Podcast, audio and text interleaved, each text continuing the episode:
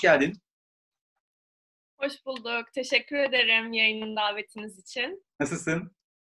İyiyim, teşekkürler. Umarım hepiniz iyisinizdir. İyiyiz, iyiyiz. Çok sağ ol. Hemen sol tarafımda görmüş olduğunuz Özgür Aksaman. Hemen yapıyorum ve e, kariyerimi bu e, alanda ilerletmeye çalışıyorum. E, olimpiyatlara hazırlanmaya çalışıyorum. Aslında hedefim 2020 olimpiyatlarıydı ama 2021 ertelendi biliyorsunuz. Önümüzdeki süreci tabii ki de hep birlikte e, göreceğiz. Bir sonraki hedefim de 2024 olimpiyatları. Çalışmalarımı bu yönde e, yapmaya çalışıyorum. Şimdilik bu şekilde. Tamam, süper. Ee, kaç yaşındasın şu anda? 24 yaşındayım. 96 doğumluyum. 24 yaşındasın. Aslında daha iki olimpiyatta aslında e, yarışma gibi bir durumun var, şansın var. Yani inşallah. Tamam. Tabii yapanları biliyorsun 35-36 yaşında bile olimpiyata gidebiliyorlar. İki çocuklu, üç çocuklu hatta. Neden olmasın? Ben de tabii ki de şansımı denemek isterim. Tamam. Ee, şimdi sana çok güzel sorularımız var. Çünkü seni tam olarak tanımak istiyoruz. Bu açık bir ekran. Burada e, çok rahat bir şekilde her şeyi anlatabilirsin. E, bir sınırımız yok, bir limitimiz yok. Ondan sonra e, benim sorularım çok ama ilk ben başlamak istemiyorum. İlk ben başlayayım. Hadi ilk ben başlayayım. E, ilk ben başlayacağım. E, ben az önce anlattıklarından beden eğitimi mezunu olduğunu ilk defa öğrendim bu arada. E, sporcu olduğunu. Öyle mi? Evet, evet beden eğitimi mezunu olduğunu ilk defa öğrendim. Ve çok sevindim açık konuşmak gerekirse. Çünkü genelde e, beden eğitimi olmayan insanlar bizim camiamızda e, antrenör tarafında çok ön plana çıkmaya çalışıyor. Biz bunu da çok kabullenmek istemiyoruz açıkçası. E, o yüzden çok evet. mutlu oldum. Aksa da öyle. O beden eğitimi mezunu değil ama o milli takım antrenörü. O ayrı bir konu sorunu. Onu seviyoruz o gönlümüzde. Ee, ya siz kendinizi yetiştirmiş hani bu alanda bir şeylere um, yani bir yerlere getirmişsiniz kendinizi. Hemen bazıları şöyle yapıyor. Gidiyor bir antrenörlük kursuna, belgesini alıp hemen antrenörlük yapmaya başlıyor. Yani bu aslında çok riskli bir durum. Maalesef Türkiye'de bu evet benim de çok hoş gördüğüm ve olmasını istemediğim şeylerden birisi açıkçası. Tamam. Şimdi şöyle, e, seninle konuşacaklarımızın arasında bu konu var. Çünkü sen de bir coaching sistemi kurdun ama bu sonraki, yani biraz sonra soracağım sorulardan bir tanesi. E, ben çok böyle geriye dönmek istiyorum. E, Gültekin'le yaptığım canlı yayını eğer seyrettiysen Gültekin de e, yüzme evet. branşından gelme. E, sen de yüzme branşından gelmesin ama biz mesela Gültekin'in yüzme branşından gelmiş olduğunu çok bilmiyorduk. Fakat e, sen biraz daha belki göz önünde olduğun için e, yüzme branşından gelme olduğunu hatta Fenerbahçe yüzücü olduğunu biliyoruz. E, biraz oraya anlatsana bize. Yani mesela niye Fenerbahçe'de yüzücüyken aslında iyi bir seviyedeyken, millilik seviyesindeyken triatlona geçiş yaptığında nasıl böyle bir karar verdin? Bize bunu anlatsana biraz. Ee, şöyle kısaca bahsedeyim. Ben Fenerbahçe Spor Kulübü'ne gelmeden önce e, zaten ben Fenerbahçe Spor Kulübü'ne gelmek için İzmir'e taşındım daha doğrusu. Daha önce ben Balıkesir'de yaşıyordum ve Balıkesir'de çok fazla triatlet vardı benim dönemimde. Yani ben 10 yaşındayken çok triatlet vardı. Ben onları görüyordum ve triatlona aslında bir merakım oluştu. Ne yapıyorlar, nasıl antrenman yapıyorlar? Ben de yapmak istiyorum çünkü sürekli farklı şeyler yapıyorlar. İşte yüzüyorlar, koşuyorlar, bisiklet sürüyorlar. E biz sürekli havuzda yüzüyoruz. Hani sabahımız akşamımız hep e, havuzda geçiyor. Ee, o zaman ben merak salmıştım. Ailem izin vermemişti triatlona başlamama. Çok zor bir spor olduğunu düşünüyorlardı. Hakikaten de öyle aslında. Sonra ben yüzmeye devam ettim ve kardeşimle beraber biz Fenerbahçe Spor Kulübü'ne geçtik. İzmir'e taşındık Fenerbahçe Spor Kulübü için. Asıl aslında spor hayatım benim böylelikle başladı. Aslında ben Balıkesir'deyken daha e, böyle Türkiye seviyesinde bile çok iyi bir yüzücü değildim. Fenerbahçe Spor Kulübü'ne geldikten sonra çok iyi antrenmanlar yapmaya başladım performansım çok gelişti e, ve Türkiye finallerinde final yüzebilecek seviyeye hatta Türkiye'de ilk üç yapabilecek seviyelere geldim. Sonra, sonra hatta, araya gireceğim. Kaç yaşında Fenerbahçe'ye geldin? E, ben lise birinci sınıftaydım. Yani kaç oluyor? 10 15 oluyor galiba. Ya benim tarihlerle böyle çok hani aramız değildim ben. Ya 15-16 yaş civarında aslında e, seviyenin gelişebileceğini anlıyoruz burada. Çünkü yüzmede genelde derler ya 8 yaşından sonra bu çocuktan bir şey olmaz filan falan. Evet, Aslında evet. E, bunu sormak istedim. Tabii ben 7 yaşında ben de şunu soracağım.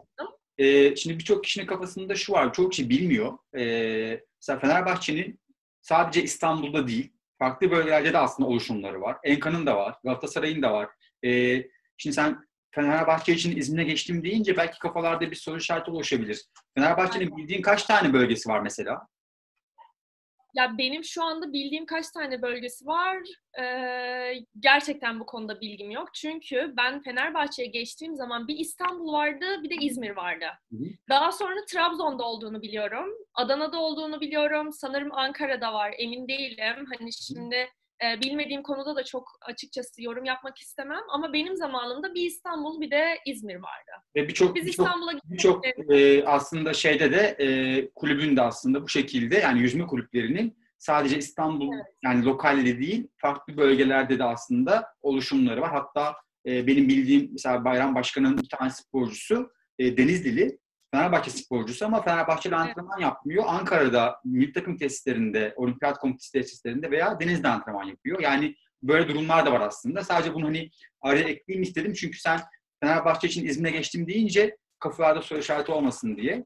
Evet, yani Fenerbahçe'nin bir şubesi İzmir'deydi ve Türker Oktay antrenörlük yapıyor Bahar Oktay'la beraber. E, ikisi karı koca. E, gerçekten Türker Oktay ve Bahar Oktay çok iyi iki antrenör e, Türkiye'de özellikle. E, ben onlar için e, İzmir'e geldim. Aslında Fenerbahçe Spor Kulübü değil, Galatasaray olsaydı da gelirdim, Enko olsaydı da gelirdim. Ben Türker Oktay ve Bahar Oktay için geldim. Onlarla beraber çalışmak için. Peki önden herhangi bir e, değerlendirme, bir derece, bir şey istediler mi senden? Şöyle oldu. Önce annem e, telefonla Türker Oktay'la görüştü ki bu görüşme süreci bile gerçekten çok uzun sürdü. Ulaşamadık. E, hani sonuçta kendini bir anlatma süreci oluyor ya. E, sonuçta Balıkesir'de hani isim yapmış sporcular değildik. Böyle e, öz, aslında ilk başta ön yargılıydı. Daha sonra biz İzmir'e geldik e, bir sabah. E, Türker Oktay'la buluştuk. Havuzda e, bizi bir yüzerken hani görmek istedi, değerlendirmek istedi. Aslında benim o zamanlar kardeşim, e, erkek kardeşim çok iyi bir yüzücüydü ve geleceğe çok parlak bir yüzücüydü. Benim aslında spor kariyerim e, İzmir'e taşınmamla başladı diyorum ama kardeşim sayesinde başladı aslında hedef sporcu kardeşimdi. Hani Türker abi dedi ki evet e, tamam Burak çok iyi bir sporcu. Evet Esra'yı da hani antrenmanları alabilirim ama aslında hedef sporcu benim kardeşimdi. Ben o sayede İzmir'e taşındım onunla beraber. Ee, daha sonra işte dediğim gibi İzmir'de e, çok iyi antrenmanlar yaptım ve e, işte Türkiye finalleri yüzebilecek seviyeye geldim. E, hatta 400 karışık, 200 kelebek bunlar da Türkiye'de ilk üçler yaptım. Ee, sonra Open Water'a Open Water'a milli takıma girdim. Ama 18 yaşıma geldikten sonra ben dedim ki ya tamam hani Türkiye'de bir şeyler yapabilmek çok güzel ama bir dünya şampiyonasına gidemiyorum. Hani olimpiyata gidemiyorum vesaire. Bir de şöyle bir şey vardı. Yüzmede bu 400 karışıkla vesaire gerçekten hani en zor branşlardan birisi 400 karışık. Milli takım seçmelerinde ben hep böyle saliselerle milli takım barajlarını kaçırırdım. İşte Avrupa şampiyonaları, dünya şampiyonaları vesaire. Ve o kadar fazla oldu ki bu benim artık böyle şevkim çok kırıldı. Ya olmuyor. Sürekli saliselerle bir şey kaçırıyorum falan. Hani bu ne bileyim bir 10 saniye olsa, 15 saniye vesaire olsa o zaman hadi neyse ama saliselerle bir şeyi kaçırmak ya hani bir aslında bir el dokunuşu yani. O yüzden şevkim çok kırılıyordu. Sonra ben dedim ki ben artık 18 yaşıma geldim. Üniversiteye giriyorum. Ben dedim istediğim şeyi yapmak istiyorum. Hayalim hep triatlona başlamaktı. Ben dedim sporu bırak, e, yüzmeyi bırakacağım, triatlona başlayacağım. Triatlona da başlama hevesim benim aslında hani hobi olarak yapayım. Yüzmeyi bıraktım. İşte e, vücudum böyle çok bozulmasın, fiziğim düzgün kalsın. E, hem hani keyif alacak mıyım bir deneyim bakayım nasıl olacak. Ben Ama sonra... seni yanılmıyorsam e, Kuşadası'nda ilk e, gördüm diye hatırlıyorum yarışta. Bundan o final zaten. 4 sene önce falandı galiba yanılmıyorsam. Evet. evet. benim o ilk ve son Kuşadası yarışımda. Doğrudur. O yokuşlu parkurun olduğu sene. Evet. Ee, evet. Şey çünkü hani mesela senin hakkında konuşuluyordu. Çok iyi hatırlıyorum. Çok iyi yüzücü olduğun, sudan çok iyi çıktığın konuşuluyordu ondan sonra. Ama tabii ondan sonrasında sonuç itibariyle kuşu parkuru, bisiklet teknik bir parkur orası aslında. Yani inerkenki o virajlar falan ve üzerine hani koşu senin aşina olmadığın bir şey İzmir'den geldiğin için. O dönem için en azından. E, ileride hep iyi bir sporcu olacağın aslında o dönemden konuşuluyordu. Ben hatırlıyorum o net bir şekilde o dönemi yani. E 4 ile 5 sene önce yanılmıyorsam. Evet sanırım 5 sene oldu şu Öyle an bir şey. tam. Yani 5'i geçmedi ama Kuşadası yarışını düşünürsek evet belki 4 sene, 4,5 sene falan olmuş olabilir. Evet. Ee, ben triatlona başladım. İlk senemde zaten gençler kategorisindeydim. Senin Kuşadası'nda gördüğünde de ben gençler kategorisinde yarışmış olmalıyım. Bir daha Kuşadası'nda başka parkura geçtiği zaman yarıştım. Eski parkurda beraberdik. Bunu şimdi bir yere ben bağlamak istiyorum. Şimdi sen elit bir triatlet olarak Türkiye'deki rekabeti nasıl görüyorsun? Daha doğrusu yeterli görüyor musun? Kendi performans e, gelişimi açısından e, olumlu etkisi sana var mı? E, ben bunu merak ediyorum. Ee, açık konuşmak gerekirse e, Türkiye'deki rekabet ve elit seviye maalesef yeterli değil. Ben bunu triatlona ilk başladığımda daha gençler kategorisindeyken de söylüyordum. Keşke diyordum daha fazla sporcu olsa. Bu gençler kategorisi için de geçerli, elitler kategorisi için de geçerli. Elitlerde zaten şu anda biz zannedersem 5 sporcu falanız. Ee, daha fazlası var mı bilmiyorum. Belki bu sene yarışmaları olsaydı gençlerden elitlere geçecek olanlar vardı zannedersem. Sayı biraz artacaktı. Ama bu sayı 10 kişinin üzerinde değil ve gerçekten çok yetersiz bir sayı. Ve bu da maalesef rekabeti olumlu yönde etkilemiyor. Bir şey soracağım. Çünkü Bir şey soracağım. Ee, çok böyle Tabii. araya soru. Ee, ilişkiniz nasıl o 5 kişiyle? Yani o 5 Hı. beş kadın sporcuyla e, arkadaşlığınız, dostluğunuz, sahadaki rekabet haricindeki diğer taraftaki arkadaşlığınız nasıl? dostluğumuz yok. Arkadaşlığımız yok. Hani birbirimizle konuşmuyoruz. Ancak gördüğümüz zaman merhaba nasılsın, nasıl gidiyor, işte iyi senden ne haber? Hani bu şekilde. Ee, açıkçası Türkiye'de zaten az sporcu olmanın da getirdiği dezavantajlardan birisi de bu. Çünkü biraz o kadar yükseltiyor. azız ki herkes hani göz önünde olmak istiyor. Tabii ki de herkes yarışmayı kazanmak ister, desteklenmek ister vesaire. Ama şöyle de bir şey var. İyi bir sporcu geldiğinde maalesef ona köstek de oluyoruz. Hani ben burada şimdi bu yayını yapıyoruz ama gerçekten çok çok açık konuşmak istiyorum. Ben triatlona ilk başladığım sene daha gençler kategorisindeyken çok fazla problem yaşadım. Daha hani elitlere geçmeden öyle söyleyeyim. Yani sporla ilgilenmenin yanında yarışta rekabet göstermenin yanında bir de böyle em, dışarıda problemlerle de aynen uğraşıyoruz maalesef. Yani ilişki maalesef biraz problemli diyebilirim.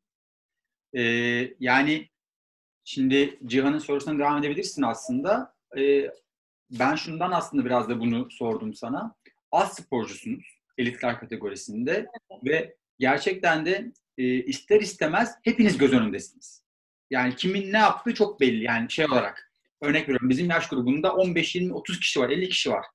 Yani e, bazısı sadece hobi geliyor yarışa. Şimdi yaş grubu olduğumuz için de öyle bir şey var. Şimdi siz de 5 kişisiniz. E, beşinizin, hepinizin özellikleri zaten biliniyor.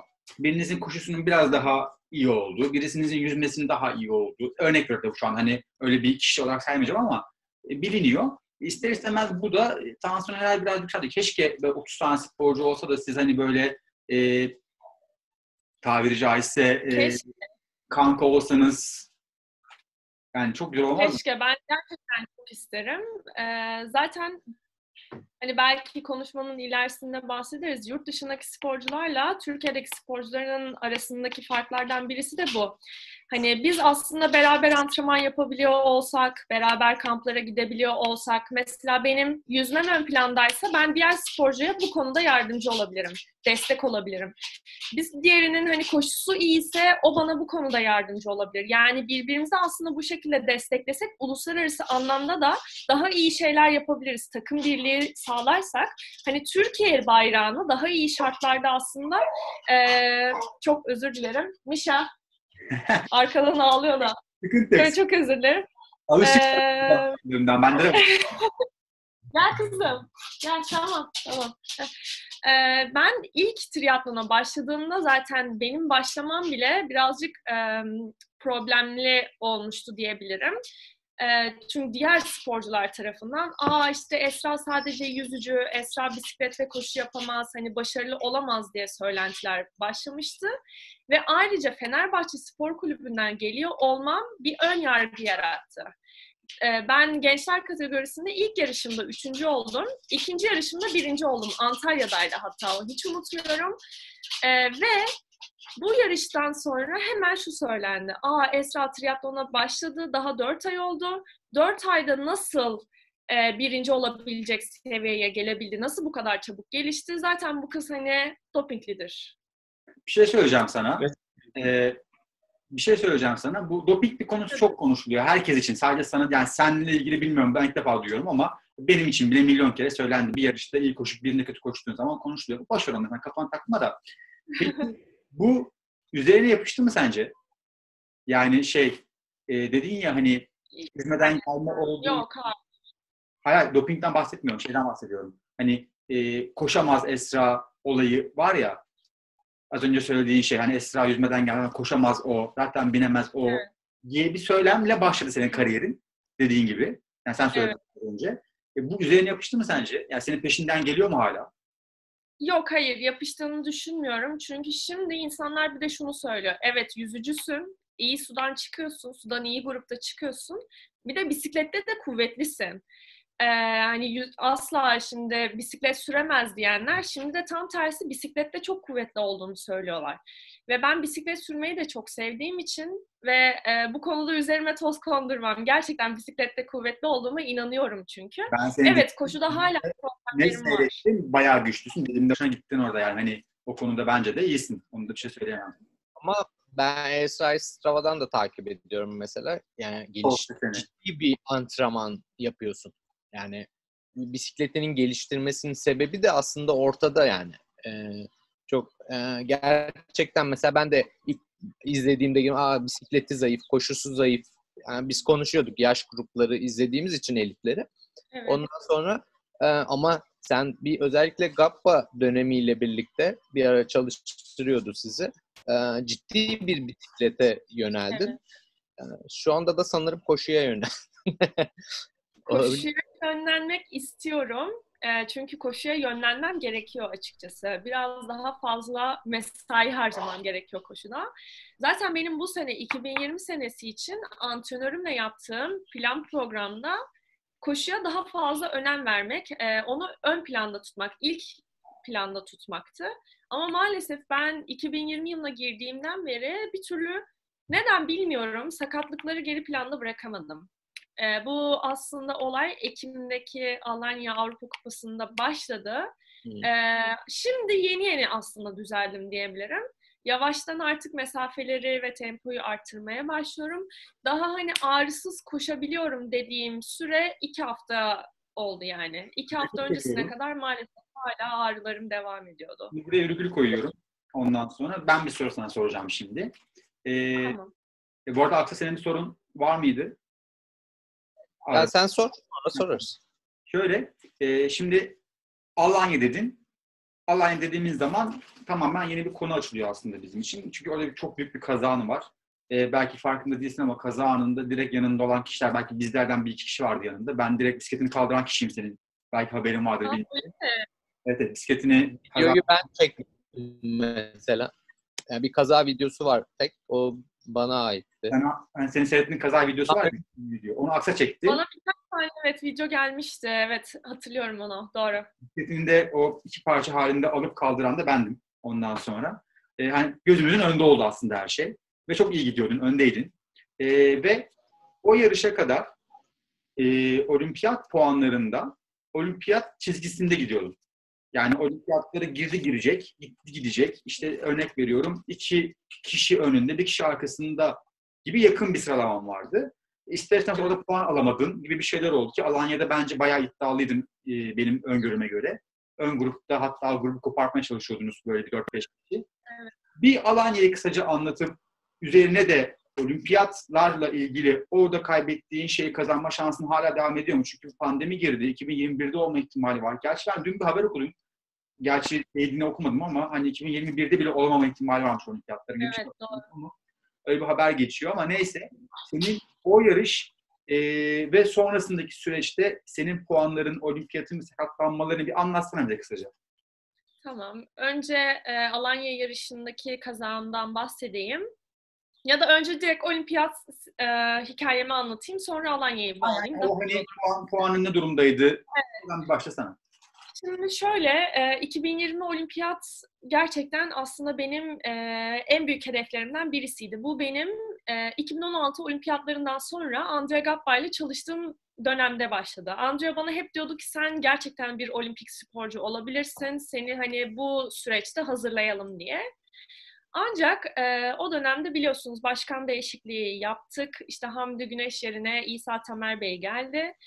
E, o dönemde zaten e, bir geçiş süreci oluyor. Yani olimpiyat senesi o dönemde puanlamaları o dönemde başlamadı. Yani 2017 idi galiba. Evet 2017 bir hazırlık süreci gibi geçiyor.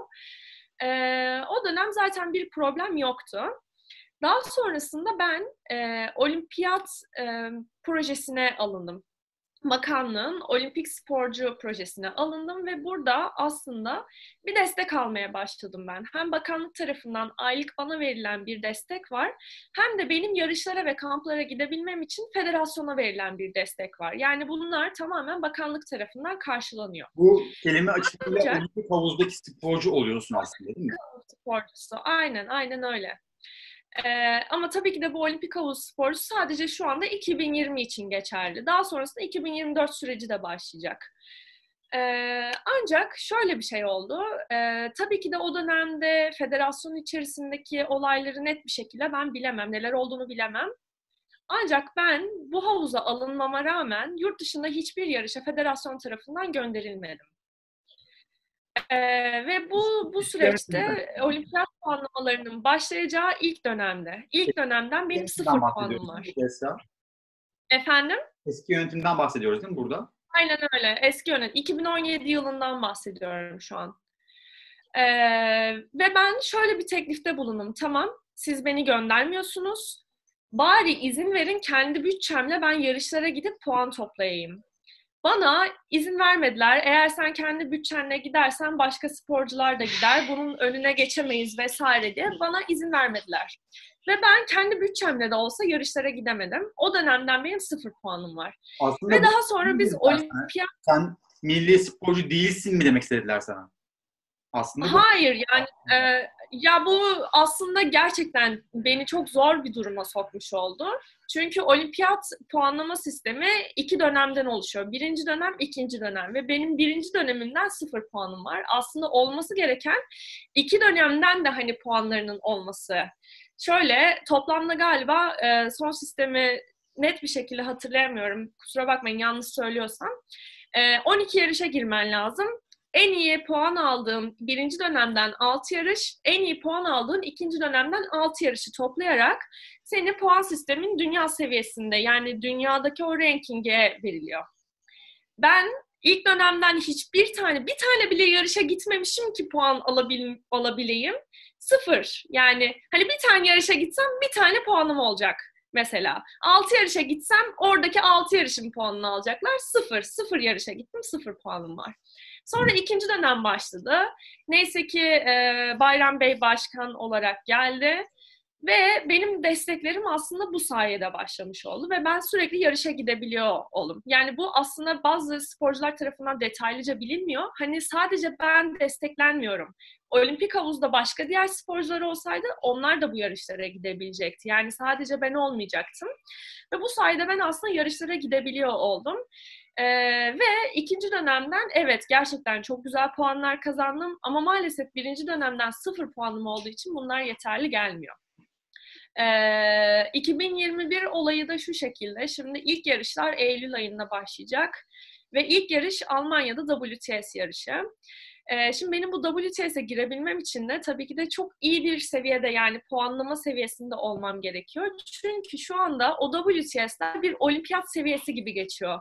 Yani dünyanın en iyi 50 atleti, 60 atleti direkt WTS'e gidiyor. Şimdi Ve oradaki... Belki de anlattı. Ben onları hemen bir araya dipnot gireceğim. Şimdi şöyle, yarışın kontenjanı diyelim 60 kişi. E, diyelim 80 kişi başvurdu. Dünya sıralamasındaki ilk 60 kişi mi yarışabiliyor o yarışta? Aynen öyle.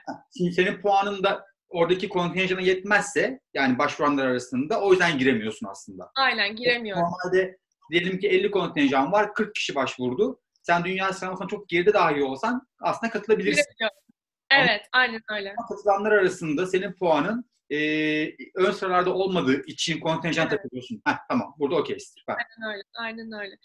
Ee, dolayısıyla hani o WTS'lerden de gidip puan alamayacağım için 2021 gerçekten nasıl olacak hiçbir fikrim yok. Ancak ben tabii ki de çalışmalara devam ediyorum. Sanki hala bir şansım varmış gibi ki olmaması diye bir şey yok.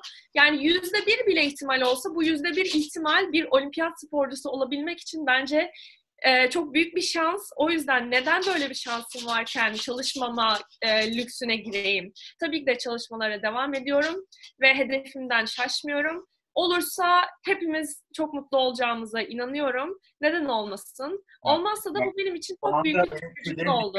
Anladın mı? Yani anlatırken sen e, bu bizim yaptığımız sonuçta bizim hepimizin amacı yani Cihan'ın da öyle, Özgür'ün de öyle baktığın zaman Türkiye'deki triatlonun bir yere gelmesi. Yani eğer ki e, bu illaki benim sporcum olacaksa olacak. İşte yoksa A adamının B adamının sporcusu giderse aman boş ver gitmesin hatta su kaka o benim kariyerimi etkiler. Bunu zaten yapan adamın aramızda olmaması lazım. Evet. O yüzden hani yani sen şu anda bu kanala çıkıyorsun. Burası bir spor kulübünün kanalı baktığın zaman biz senin camiaya tanıtmaya çalışıyoruz. Veya insanlar seni anlasınlar diye uğraşıyoruz. Ee, sen bir spor, sen bir spor kulübünün sporcusun baktığında. Yani e, veya başka bir şey örnek veriyorum. Veya sen aslında tabiri caizse bize Kendim yarışıyorum. Spor kulübüm yok. onu geçtim ama aslında baktığında bize rakipsin sen. Sen bir de coaching sistemi var. Onu da soracağız sana. Ama yani burada olman demek Türk triatlon büyüsünde yapılan bir şey. Yani o yüzden seni e, yurt dışında herhangi bir yarışta en ufak bir başarı alman bile bizi gururlandırıyor. Hepimizi gururlandırıyor. Yani senin bu hedefin peşinden gidiyor olman da gururlandırıyor. Yani e, sen belki gidemeyeceksin ve kapı açacaksın. Hep konuşuyoruz seninle biz bu konuyu. Senden belki iki basamak sonra birisi gidecek ama sen o basamakları açan kişi olacaksın. O Evet. yüzden de e, peşinden gidiyor olman çok büyük bir şey aslında. Ben de hep bunu söylüyorum zaten. Evet belki olimpiyata gidemeyeceğim. Belki e, dünyada top 10'da olmayacağım, top 20'de olmayacağım. Ama Türkiye triatlonuna yeni kapılar açtığıma inanıyorum. Ya da arkamdan gelecek sporculara gerçekten e, örnek olabildiğimi düşünüyorum. Bu bile benim için aslında e, gurur verici bir şey. Yani olay sadece evet olimpiyata gitmek ve sadece bu hırsla, bu hedefte ilerlemek değil. Çünkü e, evet olimpik sporcu olabilirim ama ben başkalarına örnek olamıyorsam veya başkalarına yardımcı olamıyorsam benim olimpiyata gitmemin kime ne faydası var ki? Kendime faydam olur sadece. Ama Ben hatta bunu yapmak Bununla istemiyorum. ilgili bir şey söylemek istiyorum. Mesela e, biz altyapıyı kurduk bir iki senedir yavaş yavaş çoğalttık. Mesela yarışa giden kızların çoğu biz tabii konuşuyoruz seninle fotoğraf çektirmek istiyorlar. Yani 12-13 yaşında kızlar. Yani sonuçta e, niye bunu ya? Sen bir örneksin çünkü onlar için. Hani e, bu bence çok önemli bir şey. Ya zaten yarışlara böyle gittiğimde işte Esra abla bir fotoğraf çekebilir miyiz diye gelen gerçekten çok sporcu oluyor. Ve ben eee, hani böyle gözlerim yaşarıyor sanki. Kendimi o kadar iyi hissediyorum, o kadar mutlu oluyorum ki evet diyorum hani ben gerçekten doğru yoldayım. Hani bu insanların aslında eee, örnek alabildiği insanlardan biriyim demek diyorum ve bu bana aslında ekstra bir motivasyon veriyor. Yani sadece evet Esra çok iyisin deyip alkışlanmak değil. Onların gelip bana Esra abla işte ben seni çok seviyorum, seni örnek alıyorum demesi bana çok daha büyük bir motivasyon. Valla harika yani ne diyeyim. Ee, şimdi Aksan'ın tekrar devam ediyor sorusu. Ya ben yani şimdi hazır o konuyla ilgili konuşurken şimdi e, triatlon açıkçası çok ileri doğru gidiyor. Yani inşallah yüzme branşı kadar e, ilerleyebilir. E, diğer branşlar gibi. Çünkü triatlon yeni bir branş aslında. E, şimdi çocuklar katılıyor, yaş grupları var. Bu yeni başlayanların aslında bana da çok e, soruluyor. E, kadınlar da özel günlerinde mesela yarışına denk geldiğinde reg dönemin e, nasıl hareket ediyorsun? Ee, bu soru bana da çok geliyor. Özellikle e, genç kızlarda, tabii ki yaş grupların kadınlarda vesaire. Şimdi burada gerçekten öncelikle e, sporcunun antrenörüyle bu konuları e, açık açık konuşması çok önemli. Ben antrenörümle bunları sürekli konuşmak durumundayım. Çünkü bu süreçte mesela e, antrenman planlaması bile değişiyor. Antrenörüm benim bu sürecime göre, bu dönemime göre farklı antrenman programı uyguluyor. Aslında bu süreç ve bir hafta öncesi ve bir hafta sonrası e, gerçekten özel günler ve e, senin antrenman programın bunlara özel olması lazım.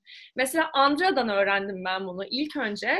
Andrea bana hep şey derdi. Bu sürecini bana söylemen gerekiyor ki aslında bu dönemde benim sana yoğun antrenman yaptırmam lazım. Çünkü sen e, farkında olmasan da senin en iyi e, sonuçlarını yapabileceğin, en iyi wattını basabileceğin, en iyi dereceni koşabileceğin süreç bu süreç.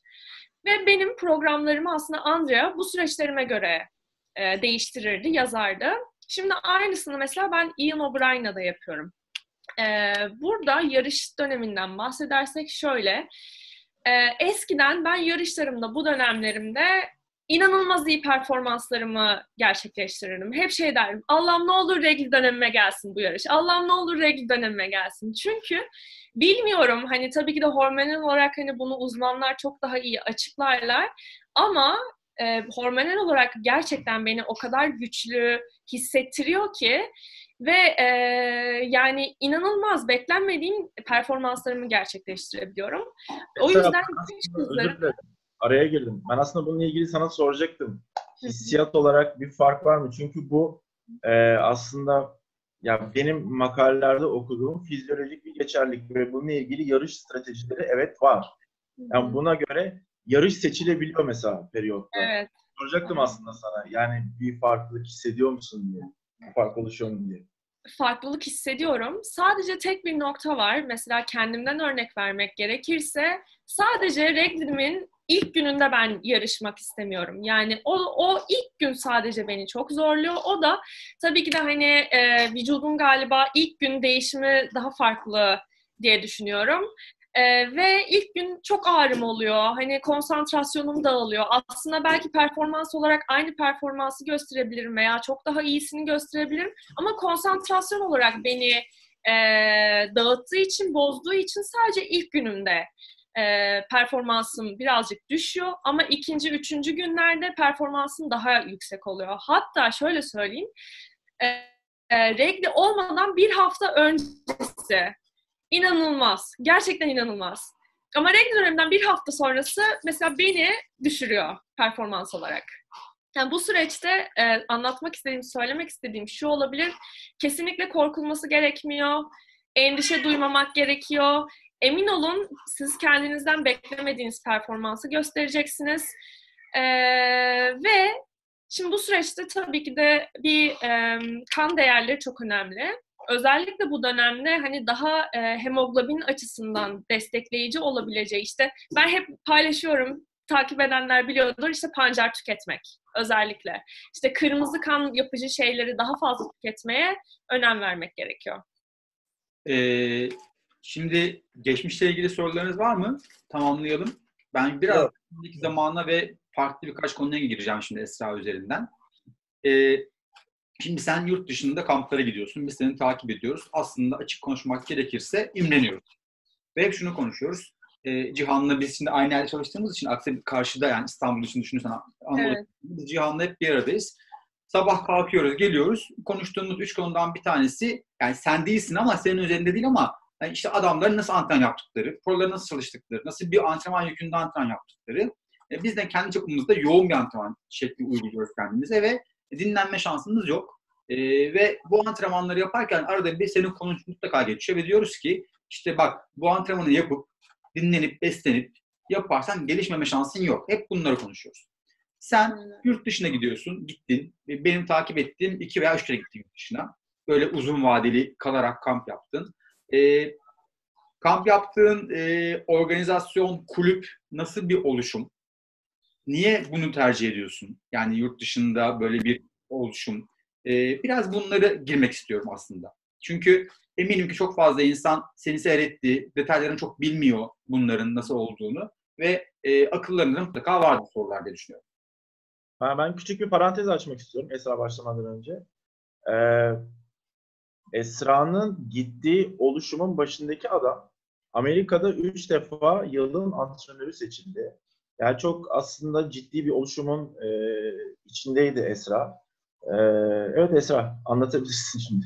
Ben Evet. bunu belirttim çünkü önemli bir şey. Evet, evet. Hala içinde Esra da Sen böyle söyleyince ben böyle bir gururlandım. çok mutlu oldum yani. Ee, çünkü bu arada. Gururlanman çok normal. Ay gururlanman çok normal. Ee, şimdi ben başvursam adam beni almaz. Adam diyecek 5000'e kaç koşuyorsun? Ben diyeceğim belli kriterleri var. Evet. anladım yani. Öyle bir şey de var yani gururlanmam ama oraya kabul edilmek de var çünkü yani. Hani e, ben sonuç itibariyle e, hadi beni alır da Aksay almaz yani anladın mı şimdi? Adam tip de yok. Ama koşuya bakıyormuş Göksan hocam öyle deme. evet, sendeyiz. Anlat biraz, yani biraz fez olalım ya bizde. Şimdi şöyle, e, ben hep zaten e, genç sporculara da söylediğim bir şey var. Hep araştırın, yetinmeyin, araştırın. Benim de aslında Ian'la bu coaching sistemiyle tanışmam da gerçekten araştırmayla başladı. Şöyle oldu. Geçen sene e, aslında 2018 senesi bittiği zaman 2019'a yeni girerken e, sürekli biz ITU e, rankinglerden sporcuları takip ediyoruz. İşte kim ne yapmış, kim ne kadar puan almış, işte hangi sporcu ne kadar puan almış vesaire vesaire diye. Benim de takip ettiğim birkaç tane sporcu vardı. Bunlardan bir tanesi Brezilyalı Victoria Lopez diye bir kız. Bu kız 3 sene kadar önce yarışlarda işte 21 dakika 5 kilometreler koşuyor. İşte hani bisikleti normal ama yüzmesi iyi. Benimle aynı seviyede. Ama koşular 3 sene öncesinden bahsediyorum. Benden gerçekten çok daha kötü. Ben yarışta atıyorum hani çok yeterli değil. Hatta hiç yeterli değil. Bunu gururlanarak söylemiyorum.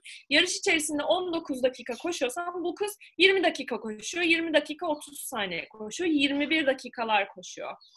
Ama bu kız öyle bir gelişme sarf ettirdi ki her sene işte bu 21 ise 20 dakika koşmaya başladı. Bir sonraki sene 19 dakika koşmaya başladı.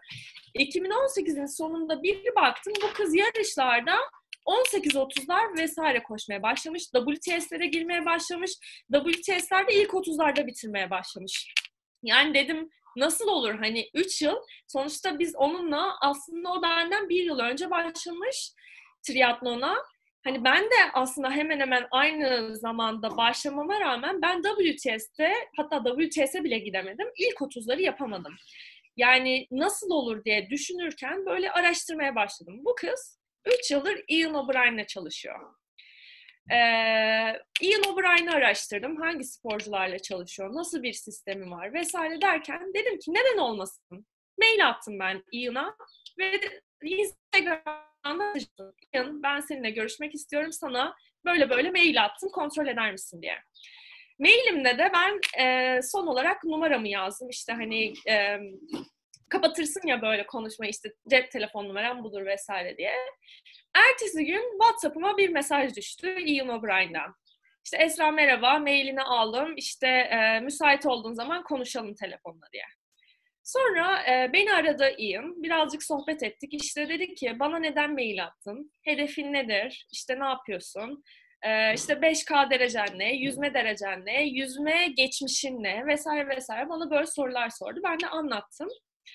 Sonra benden e, yüzerken ve koşarken video çekip onu atmamı rica etti.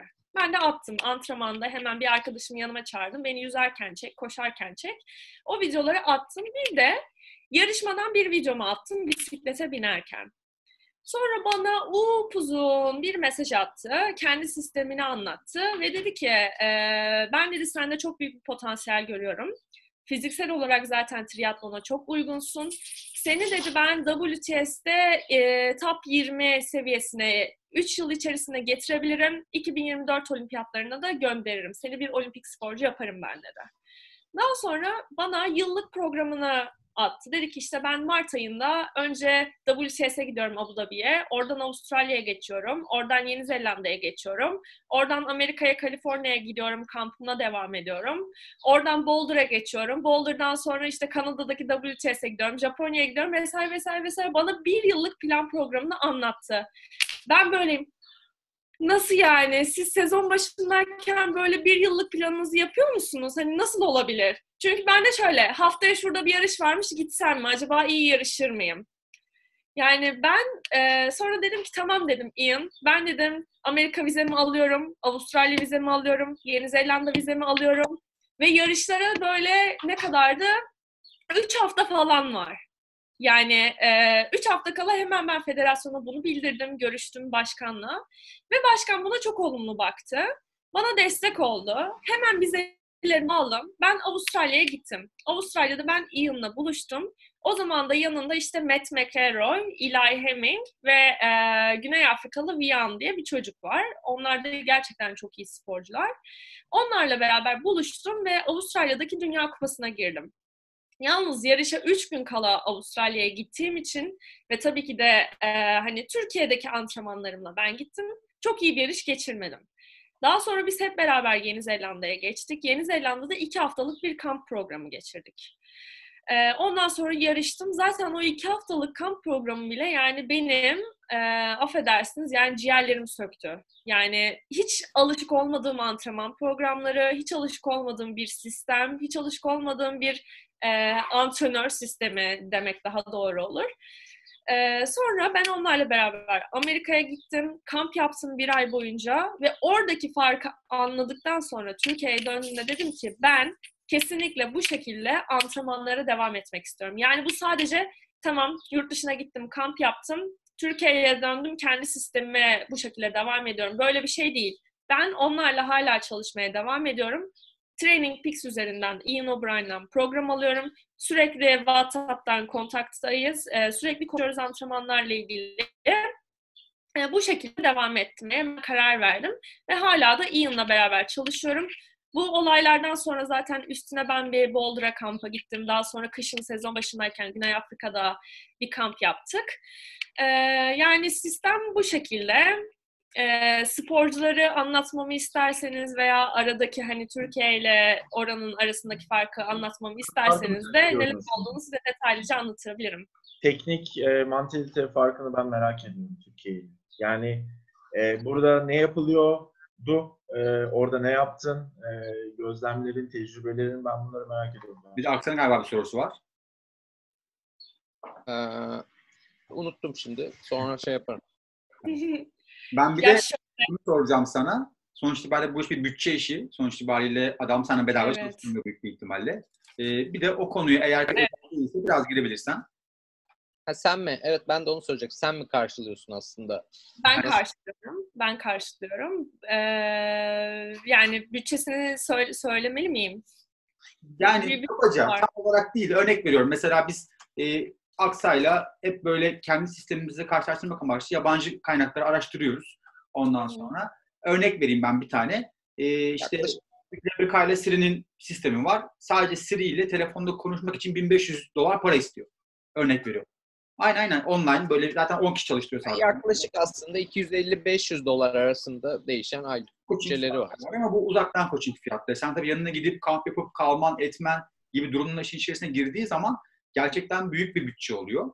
Ee, hani o yüzden bir de mesela bu adamın mutlaka bir sporcu sınırı vardır. Örnek veriyorum. Bence bu adam 30 kişi çalıştırmaz. 10 kişi alır, 15 kişi alır. Sonuçta bu 15 kişi eğer 10 kişi alıyorsa da e, kazanacağı parayı buna bölmek zorunda. Bu adamın da kendi bir sonuçta seyahatleri, onları bunları var. O yüzden de hani bu iş ucuz bir iş değil. Sen eğer ki kendin taşın altına elini soktuysan gerçekten yüklü bir şeyin altına giriyorsun baktığın zaman. Hani o yüzden de kabaca bir bütçeyi eğer söyleyebilirsen özel değilse seviniriz. Ya benim için özel değil. Ee, Ian'ın aylık coaching ücreti 600 dolar. Ama e, şöyle bir şey var. Ben e, bu Türkiye'ye döndükten sonra Ian ben seninle çalışmaya devam etmek istiyorum. Ancak şöyle beni zorlayabilecek bir konu var. Ee, hani Türkiye'de dolar gerçekten çok yüksek ve bunu hani dolara vurduğun zaman neredeyse iki tane asgari ücret maaşı ediyor. Ve bu beni gerçekten çok zorluyor başlayacak. Bana biraz indirim yaptı ve ben ona e, hani 475 dolar ödemeye başladım aylık olarak. Ama kamplara gittiğimde, onun yanına gittiğimde Ian bana dedi ki evet bak sen Türkiye'deyken bana bunu öde ama kamplara geldiğinde bana normal fiyatımı 600 dolara öde dedi. Bunun da nedeni şu. Biz şimdi bisiklete çıkıyoruz. Bisiklet antrenmanlarına çıkıyoruz. Her antrenmana arabasıyla geliyor. Bizi takip ediyor. Bize su alıyor, izotonik içecekler alıyor, jeller alıyor. Veya haftada pazar günleri, her pazar günü bizim uzun sürüşlerimiz oluyor. 3 saat, 4 saat, hatta biz Güney Afrika'da ben ilk defa 5 saat antrenmanlar yaptım bisiklet üzerinde. 5 saat boyunca bu adam arabayla seni takip ediyor. Ee, bir kere mola veriyoruz 5 saat içerisinde ama dolayısıyla sadece hani şişemiz bitiyor, işte suyumuz bitiyor vesaire. Biz sürerken hemen biraz ileri gidiyor. Kenara çekiyor arabasını. Yol üzerinden bize eliyle böyle işte su uzatıyor, izotonik içecek uzatıyor, jel uzatıyor vesaire ve bunların hiçbirinin ben size bu kadar malzeme aldım, su aldım, bana parasını verin demiyor. Ya da e, işte ben size bu kadar benzin parası harcıyorum, bana bunu ödeyin demiyor. Çünkü bunların hepsini senin aslında aylık olarak ödediğin bir fee'den çıkartıyor. Yani bu aslında onun antrenörlük hizmetinin gerçekten de sonuna kadar hak ediyor. Hak ediyor. Yüzmeye gidiyoruz, open water yapıyoruz. Bir tane hemen oradan bir kano kiralıyor. Kano'da mesela bizim mataralarımızı taşıyor, pedallarımızı taşıyor, bizimle beraber işte geliyor, kano sürüyor ya da ne bileyim motorlu bir tane hemen küçük şişme bot kiralıyor ve hiç yani o kadar gerçekten fedakar bir insan ki çünkü onun da hedefi olimpiyata gitmek ve dünyanın en iyi antrenörü olmak. Hep bunu söylüyor. Ben dünyanın en iyi antrenörü olacağım. Ben dünyanın en iyi antrenörü olacağım. Hani sadece bu sporcular için geçerli değil, antrenörler için de dünya seviyesinde bir antrenör olma hedefi çok önemli. Ve bu hedeflere de o sahip. Ve bana kalırsa gerçekten dünyanın en iyi antrenörlerinden bir tanesi. Dünyanın en iyi antrenörü de diyebilirim. Çünkü sistemden bahsetmek gelirsek bu adam sürekli araştırıyor, sürekli.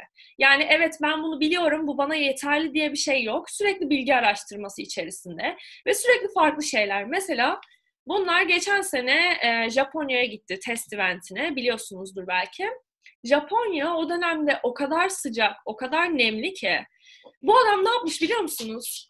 Sporcularına sanırım dört sporcu götürdü oraya ee, bir tane yelek almış. Askeri yeleklerden. Hepsine dörder tane. Asker bu arada değil mi Esra? Asker, evet asker. İngi, aslında İngiliz. İngiltere'de e, hani oranın askeriyesindeymiş ve çok fazla savaşlara gitmiş.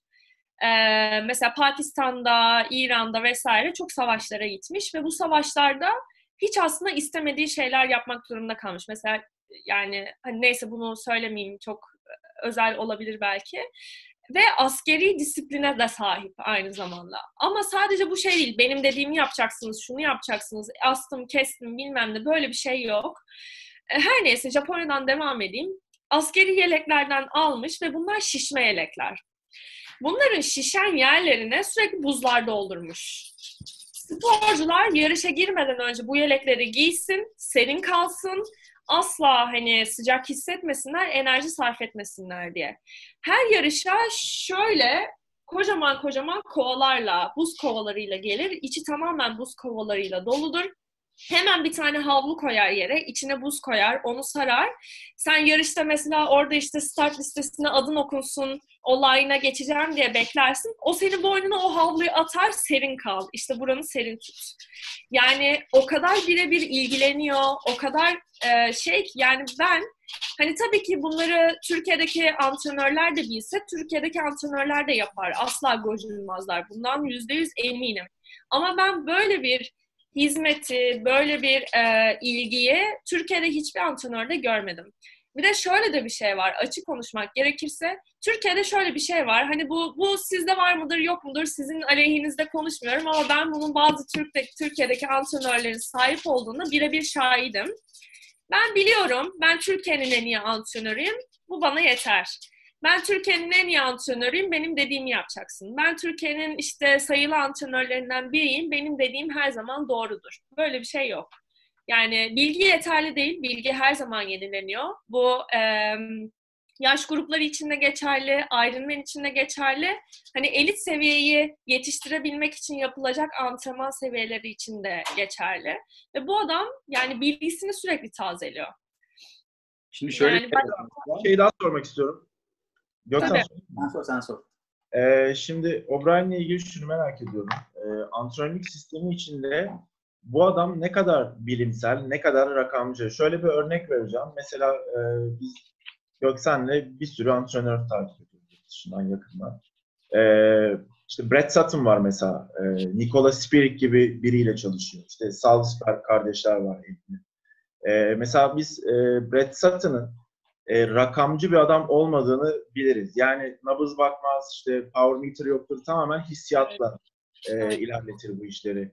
Bu O'Brien tarafından nasıl işliyor? Ben bunu biraz merak ediyorum. O'Brien için de aynı şey geçerli. Hatta ben ilk gittiğimde şöyle bir şey bekliyordum işte nabzını şu şu aralıkta tut, işte wattını şu şu aralıkta tut, Aa, şu pace'i geçme veya şu pace'in altında koşacaksın. Hani hep ben bunları bekledim. Çünkü Türkiye'de bu böyle yani biz hep nabız bakıyoruz, watt bakıyoruz, işte kaç pace koşmuşsun ona bakıyoruz. Kimse senin hissiyatınla ilgilenmiyor. Evet. Ben Ian'a gittiğimde şey oldum, nasıl yani bu iş böyle mi ilerliyor?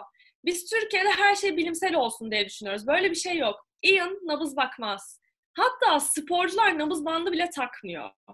Evet, Watt'a göre mesela antrenman yazıyor ama çünkü ben şu anda Türkiye'deyim. Onlarla beraber antrenman Hı. yapmıyorum. Be- beni hani o Watt'a göre antrenman yaptırtıyor. Ama oradayken öyle bir şey yok. Gruba sen dahil olmak zorundasın. Şimdi yarışta şey mi yapıyorsun? Grup ön gruptasın. Adamlar 230 wattla gidiyor. Sen wattına bakıyorsun. Benim işte FTP'm 210. Ben 210'u geçmeyeyim deyip gruptan kopup arkada mı sürüyorsun? Öyle bir şey yok. Şimdi şöyle bir şey var. Çok haklısın bu konuda. Ee, bizim yaptığımız antrenman işte Cihan anlattı az çok. Ee, tamamen hissiyat üzerine kurulu ve ben hayatımın en iyi yarışını, en iyi half Ironman yarışını e, power metresiz, nabız bantsız ve saatsiz koştum. İşte Siri ile ben bir dönem çalıştım. Ee, Siri'nin hatta Rebecca'dan programı aldım. Antrenmanları yaptık. İşte orada belli bir zonlar veriyor ama yine hissiyat da veriyor. Yani öyle al şu demiyor. Yarış geldi. Dedim bana taktik ver. Hani ne yapacağım? Kaç vak gideceğim? Kaç nabız gideceğim? Söylediği şey sadece şu. Her şeyi çıkart. Senin dedi vücudun ne yapabileceğini biliyor. Aynen öyle. Ne kadar gidebileceğini biliyor. Limitini biliyor. Hissiyat olarak sen tecrübeli bir sporcusun. O yüzden hani e, sen hangi şeyde hissiyatta bacağının yanacağını hissediyorsan o zaten kalacaksın. Üstüne çıkamayacaksın. Evet. Ve limitlerinde git. Yani ben sana şu wattla git derim. Sen kendini tutarsın orada. Belki daha iyisi var vücudunda. Haberin yok. Belki daha kötüsü var haberin yok. Yani Ben- tabii bir örnek vermek istiyorum. Ee, ben mesela Türkiye'de hep e, atıyorum 10 tane 400 yapıyorum. Bu 10 tane 400 bana hep şu şekilde veriliyor. 3.45'ten yapacaksın. İşte 3.40'ı geçmeye çalışacaksın. İşte sonuncu 400'ü 3.30 koş. Hep bu şekilde antrenman yaptım. Ian'a gittiğim zaman ne oldu biliyor musunuz? Ian şöyle. Program şu şekilde. 2 kilometre warm up, jog atıyorsun, ısınıyorsun. Sonra 10 dakika drill yap, arttırma yap. Ondan sonra geliyor adam diyor ki 2 kilometre tempo koşacaksın. Yani tempo ne? Diyor ki bana o anda hissettiğin, o anda senin işte mesela maksimumun atıyorum yarışta 5 kilometreye rakamla atıyorum şu anda 18 koşuyorsun ya. Senin tempo koşabileceğin 18'e göre ne olabilir? Bunu sana bırakıyor. Yani sana şu pace'de koşacaksın, bu pace'in altında devam edeceksin diye bir şey söylemiyor. Sonra diyor ki 10 tane 400 veriyor, 10 kilometre pace'inde koşacaksın diyor.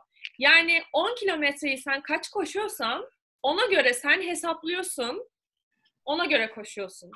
Ya da 5 kilometre pace'ine göre koşacaksın diyor. Sonra diyor ki üstüne 400 metre sprint koşusu. Yani finish koşusu. Son yarışta hani o 400 metreyi böyle finish çizgisini görürsün. iyice varınla yoğunla koşarsın ya.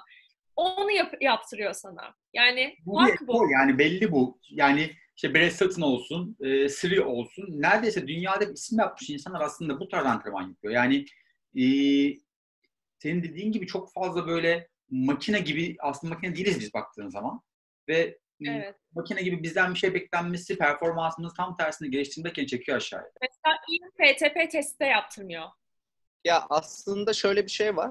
Şimdi e, bu iş nereden çıktı? Aslında biraz Iron Man olayları çoğalınca e, şimdi Iron Man'i bitirebilecek bir spor. Şimdi biz yaş gruplarına ciddi yüze yakın yaş grubuna e, coaching hizmeti veriyoruz. Şimdi bir insan şimdi ben biz yeni başlayan birine yarışı bitirtmek istiyorsam ona evet 220 watt gitmen lazım. Çünkü o adamın 240 watt gittikten sonra koşamayacağını biliyorum. Aslında biraz da o sektör e, Iron Man'le birlikte şu detaylar falan. Çünkü ben e, yurt dışında farklı. Nasıl? Yani sert kendi kontrol edebilecek insanla yani Esra'yla senle Tabii. benle Cihan'la Tabii tabii. Yani elit elit sporcuyla master sporcu arasında ben şimdi yurt dışında 3-4 kulüp gezmiştim. Hepsi e, power metre önemli değil. Hissiyatı yani herkes Londra'daki kulüpler de öyle, İspanya'daki kulüpler de öyle, İtalya'daki antrenör de aynı şekilde. E, senin hissiyatın önemli şeklinde yaklaşıyor. O yüzden biraz da üst düzey sporcular ama yani burada yaş grupları da izlediği için ama ben Arada Görel'e şimdi e, öyle bir izlenim de olmasın bence. Çünkü bazı yaş gruplarında gerçekten e, uyulması gereken şeyler olduğunu düşünüyorum. yok tabii Ben şöyle bir küçük şey bir var. noktaya değineyim mi? Efendim? Küçük bir noktaya değineyim mi? Evet. E, Esra çok güzel bir şey söyledi. Yani şu an aslında dile getirmek istediğim şeyleri söyledi. Ee, şey noktasında işte Iron Man 70.3 e, buradaki power konusu işte non-draft olayı tamam okey e, buna ben de katılıyorum. E, bu elit sporcularda bamba yani yaş grubu ve elit sporculuk bambaşka şeyler zaten hiç alakası olmayan şeyler. E, ama aslında değinmek istediğim nokta şuydu nabız konusu. E, yani nabız hepimiz biliyoruz ki hani fizyolojide o kadar çok değişkene bağlı ki ne bileyim sevgilinden ayrılırsın nabzın 10 atım yukarıdadır. Bir bardak su içersin 3 atım aşağı iner gibi bir sürü faktöre bağlı olduğu için e, özellikle elit seviyede olanlara zaten nabız bazlı bir şey vermek e, bana her zaman çok mantıksız gelmiştir. Evet. O yüzden Esra çok güzel bir şey anlattın şu an bize. Teşekkür ediyorum. Ya Rica aynen ederim. bu konu özelinde hemen şunu söylemek lazım. Şimdi bizim konuştuğumuz kişi Esra. Yani Esra milli sporcu. O yüzden e, onun seviyesindeki antrenmandan aslında bahsediyoruz baktığımız zaman. Tabii. Yaş grubu veya çok yeni başlayan bir insana bile en basitinden işte tempo bisiklete bin dediğin zaman abi tempo kaç watt bineceğim diyor soruyor. Çünkü bil, yani vücut, Öğretmek lazım. vücudu öğretmek Ben lazım. size bir örnek vermek istiyorum. Ben eee easy koşularımda, jog antrenmanlarımda bile nabzım benim 155 ile 170 arasında. Aksa da öyle. Hatırlıyor. Öyle mi? Şimdi bana diyorlar ki Allah'ım nasıl koşuyorsun? Ne kadar yüksek bir nabız. Ama öyle. Benim maksimumum mesela 205'leri geçiyor. E, o yüzden benim jog için yani 160'lar vesaire çok normal. Yani Ama bunu- için Ama öyle diyorlar yok hayır senin böyle 140'ları sabit tutup yavaş yavaş tın tın tın koşu antrenmanları yapmam lazım. Ne Yürümen yapacağım? Pace'le koşu antrenmanları mı yapacağım? Yani kendi kendimi mi gerileteceğim? Böyle bir şey yok. Yani Gaffar insanlar çalıştın ya. maalesef düz bir mantık oluştu. Yani Gaffar çalıştın ya. Gaffar'ın çok güzel bir lafı vardır bilir misin? Ee, yüksek nabzı tutmak yani çıkartmak e, kolaydır ama düşük nabzı çıkartmak zordur der. Hani öyle çok çok düşük nabızlarla falan giden insanların nabızlarını çıkartmak zordur der. Ee, işte benim eşim Hülya jog atıyor 180 nabız. Çünkü niye biliyor musun? Siz yüzücüsünüz. Siz ederim. anaerobikten gelme olduğu için. Esra'yı kaybettik arkadaşlar. Esra kaçtı. bir saatlik. Çok özür dilerim. Yok ben dinliyorum. Pencereyi açmak zorunda kaldım. Çünkü kedim şu an çok enteresan şeyler yapıyor aşağı düşerek. aynadan ben kedini seviyorum senin bu arada. Şu arkada aynadan kedi. Şurada ayna var arkada senin. Şey, Aynen. e, bir çizgide bir değil şeyler ya. yapıyor şu an anlamadım. Neyse. Önemli Ya buna, buna, buna bir örnek daha vereyim ben. Bu YouTube'daki e, Zwift'teki elit triatletler yarışıyor ya. İzliyor musunuz bilmiyorum ben takip ediyorum. Ben yok izlemiyorum. Tamam oradan ben size örnek vereyim. Mesela e, Frodeno'nun böyle şey var. YouTube'da Zwift çekimleri var. Orada böyle çok ucundan işte verdiği wattla nabzı görebiliyorsun. Aslında Frodeno'nun öyle mükemmel bir kalp gücü ve fizyolojisi yok. Yani atıyorum 220 wattla giderken nabzı 140-150 vuruyor. Diğer tarafta Sanders e, 350-380 watt verirken adamın nabzı 120 vuruyor. O zaman Sanders'ın bu mantığa göre dünya şampiyonu. Ama olamıyor. Frodeno oluyor. Bunun gibi bir şey yani. Ya şöyle senin dünya şampiyonu olmanı sağlayan şey işte hırs, irade. Gerçekten bunlar. Bak, Ve değil. Allah'ım inanılmaz nabzım çok yüksek ben yapamayacağım. Böyle bir şey yok. O nabızla devam edebilmek onları dünya şampiyonu yapıyor. Evet şimdi bu kadar spor konuştuk ama dur sporla ilgili bir soru daha konuşalım. Ondan sonra özel hayatına gireceğim ben senin. Ee, Eyvah. e, sen de bir coaching yapıyorsun. Yapmaya başladın daha doğrusu yavaş yavaş. Ee, uzaktan takip ediyoruz. Ucundan ucundan. Bir anlatsana ne yapıyorsun, nasıl bir şey yapıyorsun? Ee, hani en azından senin de izleyenler biraz tanısınlar o tarafta ne yapacağım, ne yapmaya çalıştığını veya neler yaptığını. Ya şöyle şimdi e, az önce de bahsettiğim gibi maalesef hani ne kadar destek alıyor olsam da ben de cebimden gerçekten çok yüklü miktarda paralar harcıyorum. Sadece bu sporu yapabilmek için yani olimpiyat hayalim için. Ve bunun desteğini ben hep ailemden alıyorum. E, hayatım boyunca en sevmediğim şey hep başkalarından bir şey rica etmek ve başkalarına bağımlı olmaktır. Bu benim ailem için de geçerli. Dedim ki kendi ayaklarımın üzerinde durabiliyor olmam lazım. Kendim bir şeyler kazanabiliyor olmam lazım. Ee, ve bunu düşündüğüm zaman da yapabileceğim en kolay şey ve e, yapabileceğim en iyi şey diyeyim daha doğrusu e, coaching yapmak. Ve bunu nasıl yapabilirim? Elit atletlere değil, genç atletlere değil veya bu spora yeni başlayanlar için değil ama yaş grubu yarışmak isteyenler için olabilir. Çünkü uzaktan ancak o şekilde destek olabilirim. Yarışlara gidiyorum, kamplara gidiyorum, sürekli başlarında olamam. Dolayısıyla böyle bir girişimde ben bulundum. Ama sonra şunu fark ettim. Ne kadar hani uzaktan destek olabilirim desen de yine de o tarafa da bir mesai harcaman gerekiyor. Ee, şu anda destek olduğum, e, çalıştığım sporcular var ama hani bu bir elin beş parmağını geçmez. Gerçekten çok az. Çünkü şunu da yapmak istemiyorum. Hani 10 tane sporcum olsun, 20 tane sporcum olsun az ilgilenmek istemiyorum. Çünkü biraz bende mükemmelliyetçilik var. Ee, bu bu mükemmelliyetçilik benim işim için de geçerli. Her şeyim dört dörtlük olsun isterim. Sadece ben bu işte para kazanacağım diye insanların hani e, sonuçta bir para veriyorlar ve bu paranın da hakkını benim vermem gerekiyor. Dolayısıyla ne kadar çok insan olursa benim de o kadar çok bu olaya mesai harcamam gerekir. O yüzden az ama öz. Hani biraz da kendimi geliştirebileceğim, ileride bu işi yaptığım zaman hani bir altyapımı oluşturabileceğim şekilde çalışmaya çalışıyorum. Ve sadece triatlon değil, mesela bir sporcum var, benden sadece yüzme programı alıyor. Hedefi e, boğaz yarışını geçmek. E, daha önceden hani girmemiş, ilk defa bu sene girmek istiyordu. Tabii şimdi boğaz yarışı ile ilgili ne yapacaklar, nasıl seçmeler yapacaklar bilmiyorum. Ee, önümüzdeki sürede göreceğiz. Sadece mesela yüzme programı veriyorum ona. Yani bu şekilde. Ama ileride evet bunu ilerletmek istiyorum. Hani belki sizinki kadar olmaz ama yani bu bu işte evet coaching'e devam etmek istiyorum. Keyif alıyorum çünkü. Olur, Birilerine destek önce- olmak yani Biraz önce coaching almıştık. paylaşmak. Beraber iş yapabiliriz. Hallettik o işi biz. Sözleşmeyi imza aldın sen haberin yok. Ya Sen çıkamazsın daha biz atmadan falan diye. Yok yok. olsun. Seviyorum zaten yani hiç hiç sorun yok. Biz de seni çok seviyoruz. Ee, şimdi gelelim. Şimdi sonuç itibariyle hep spor konuşuyoruz ama sen bir kadınsın sonuç itibariyle ve bir özel hayatın var, bir insansın yani.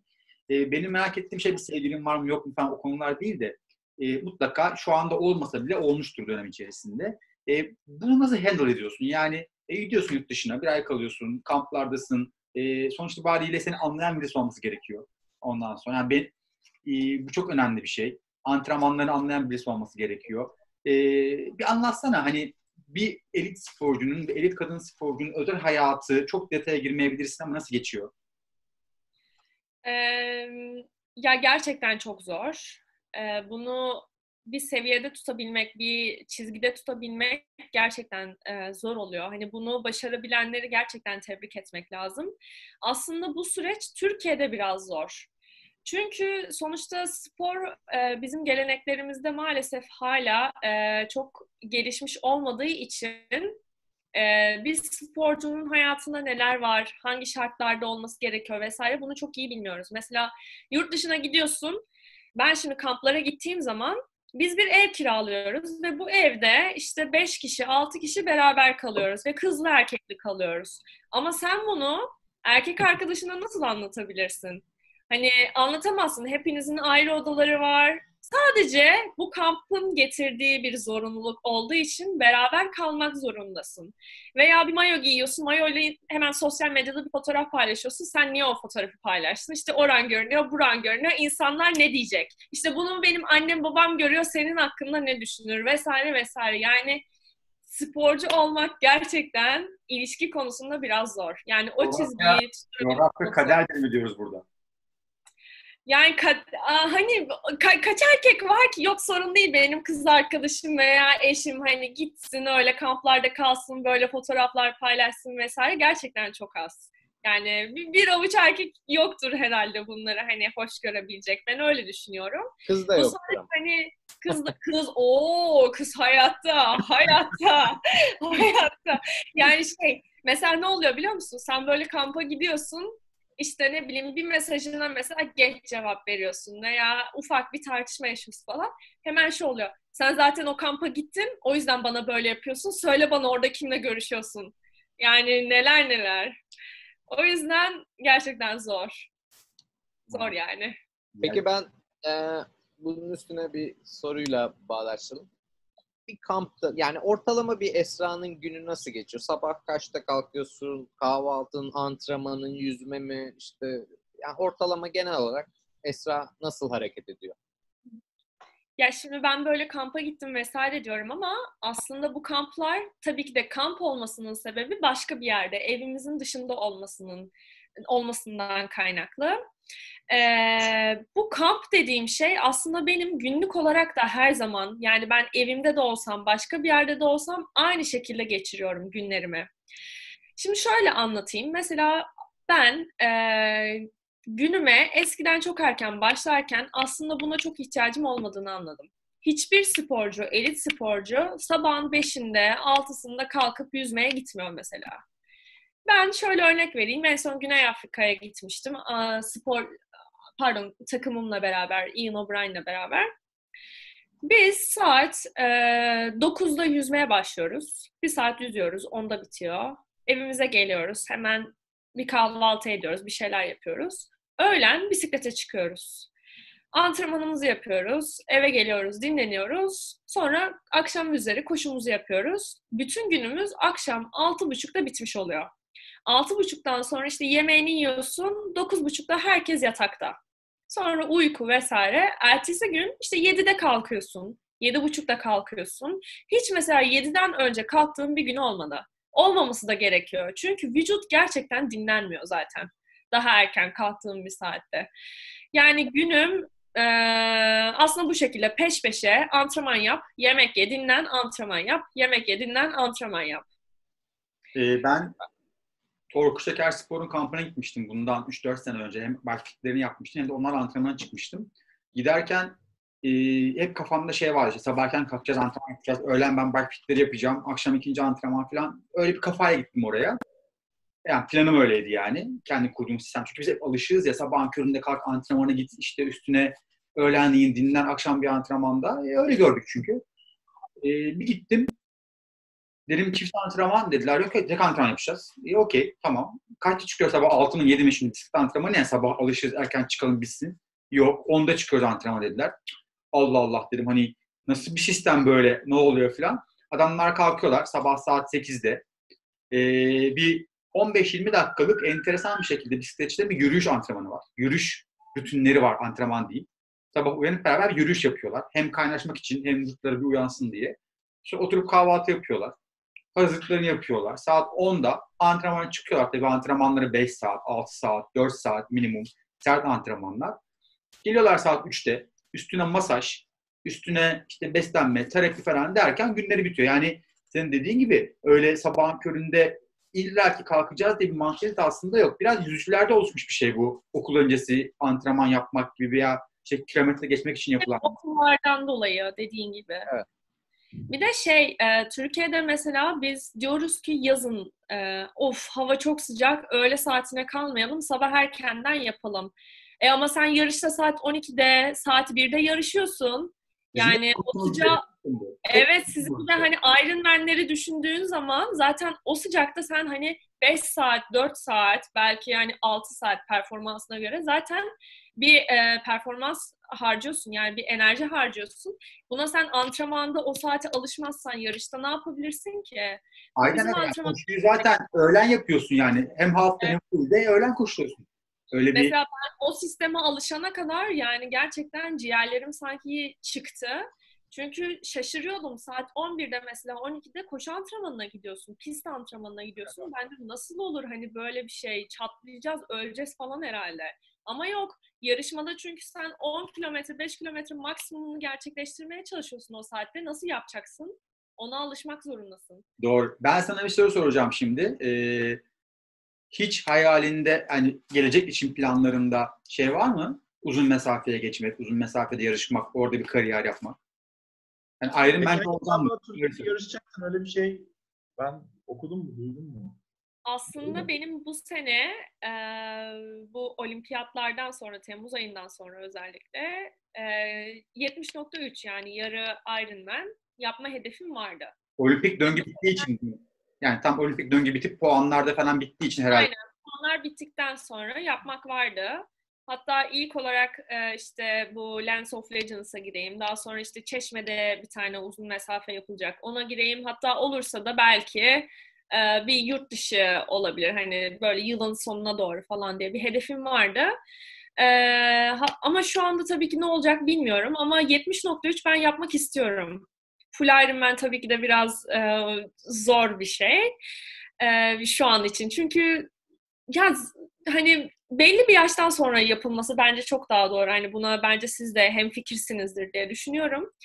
Ee, benim vücudum biraz daha dayanıklılık sporlarına uygun. Hani triatlonu da zaten bu yüzden bence seviyorum. Ama yine de ne olursa olsun sprint olimpikten ziyade 70.3'te performansımın bir tık daha iyi olabileceğine inanıyorum ben. Çünkü aynı pace'te, aynı hızda, tempoda, nabızda, aynı eşikte sürdürülebilirliğim benim biraz daha iyi. O yüzden 70.3'te ben iyi olabileceğimi düşünüyorum. Ve e, olimpiyat e, döneminden sonra bunu denemek istedim açıkçası. Bir görmek istedim kendimi. Zaten biliyorsunuzdur, takip ediyorsunuzdur. Bu e, olimpik sporcular hep olimpiyat döneminden sonraki bir yıl hep uzun mesafe yarışlar yapıyorlar. Bunu ben kendime de uyarlamak istemiştim. Ama dediğim gibi tabii ki önümüzdeki süreç bana ne getirecek bilmiyorum. Ama e, yani planlarım ve hedeflerim içerisinde var böyle bir şey. Vay, çok güzel. Var mı sorunuz arkadaşlar? Benim bir sorum daha var. Ufak. Benim yok bitti Benim sorular. bitti. Benim yok. Sen de sor yavaştan. Soru değil ya şey e, bir şey merak ediyorum. Şimdi mutlaka triatlona buluş, bulaştığın zamandan beri mutlaka böyle hiç aklından çıkmayan bir şeyler olmuştur. Böyle hani hem komik olabilir veya hani üzücü bir şey anlatmana gerek yok. Kazaya mazaya anlatmana gerek yok ama ondan sonra hani mutlaka böyle aklına çıkmayan komik bir anın vardır. En komik böyle yarış anın aklından çıkmayan. Yani çok var aslında. Özellikle 2019 senesi benim için gerçekten böyle şık diye geçti. Yani o kadar hızlı geçti ki başlangıcı bitmesi vesaire. Ve e, gerçekten çok olaylar yaşadım. Yani 2019 senesini asla unutamam. Çünkü inanılmaz anılarım var. Komik, üzücü, aynı zamanda çok mutlu vesaire. Ama yani bunları hani buradan anlatmalı mıyım işte o, o, o konuda biraz kararsız bilemedim. Biraz bahsedebilirim ya. Şimdi insanlar hep şey zannediyor. Bizim problemlerimiz hep yarışma esnasında performans iyi göstermek veya kötü göstermek olarak düşünüyor ama sadece bu değil. Bir triatletin gerçekten yarışa gidiyor gidiyorken seyahat süreci, bu seyahate hazırlık süreci vesaire eee, çok farklı. Çünkü biz o kadar çok ekipman taşıyoruz. Ya zaten sadece bisiklet çantasını bir yerden bir yere götürmek bile hem çok masraf hem zulüm gibi. Çünkü kocaman şey. Ee, bir uçağa bile onu aldırmak bazen o kadar problemli oluyor ki. Özellikle bu İstanbul'daki yeni havalimanı açıldıktan sonra. Bana hep şey dediler. Biz bunu alamayız çünkü burada bunu geçirebileceğimiz bandımız daha yapılmadı. Yani nasıl koskoca sen şey yapıyorsun, havaalanı inşa ediyorsun, bir tane bisiklet çantasını geçirebileceğin bandın yok mesela. Yani bunlar hani çok e, küçük küçük yaşadığım sıkıntılar ama bu sıkıntılar bile aslında senin yarış performansını etkileyen şeyler. E, komik anılarım var ama yani dediğim gibi hani bunları belki sizin o beni aldığınız WhatsApp grubundan böyle anlatsam, orada sohbet etsek çok daha iyi olur diye düşünüyorum. Bilemedim. Ama ne düşünüyorum biliyor musun? Bak bunu söylüyorum. İlerleyen dönemde bu anılarımla ilgili bir tane kitap yazmayı düşünüyorum. Gerçekten çok olaylarım var çünkü. İyi hadi bakalım. Biz de okuruz o zaman. Evet. Evet Esra çok sağ ol geldiğin için. Ee, Teşekkür ederiz Esra. çok zevkli oldu. Değerli bilgiler paylaştın. Sizleri dinlemek gerçekten güzel bir şey. Bize çok şey katıyor. Bizim için de. Biz antrenör olarak da çok şey öğreniyoruz. Senden duyduklarımızdan, işte sizin gibi e, milli spordan duyduklarımızdan. E, o yüzden hani ağzına sağlık. Bizimle güzel şeyler paylaştın. E, Aksa Hocam, Cihan Hocam. Çok sağ ol Esra. Çok sevindik seni gördüğümüze. Teşekkür Ee, ederiz Esra. Ben tekrar tekrar izlerim bu yayını zaten. Ben teşekkür ederim. Zaten konuşmanın en başında da söyledin. Hepimizin amacı, hedefi aslında Türkiye'de triatlonu e, daha ilerleyen seviyelere getirmek, daha üst seviyelere getirmek ve ben bunu her zaman söylüyorum. Benim de hedeflerimden birisi bu. E, örnek olmak, yeni kapılar açabilmek. Hani bunu yapabiliyorsam, başarabiliyorsam ne mutlu bana. Gerçekten ben de çok keyifli bir sohbet geçirdim. Umarım siz de keyif almışsınızdır. Çok çok. O zaman kapanışını sen yap Esra hadi. Sen kapanış konuşmasını kapatacağım ondan sonra. Tamam. Bugün e, bugün değil, genel olarak bu videoyu izleyen, bu sohbeti izleyen herkese şimdiden çok teşekkürler.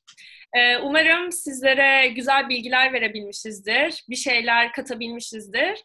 Ve bugün Arefe galiba, evet Arefe oluyor. Yarın bayram. Şimdiden hepinize iyi bayramlar diliyorum ben. Sevdiklerinizle geçirebileceğimiz nice bayramlarımız olsun. Şimdilik maalesef beraber olamıyoruz ama o günlerde yakında gelecek. Yarışlarda görüşmek üzere. Hoşçakalın.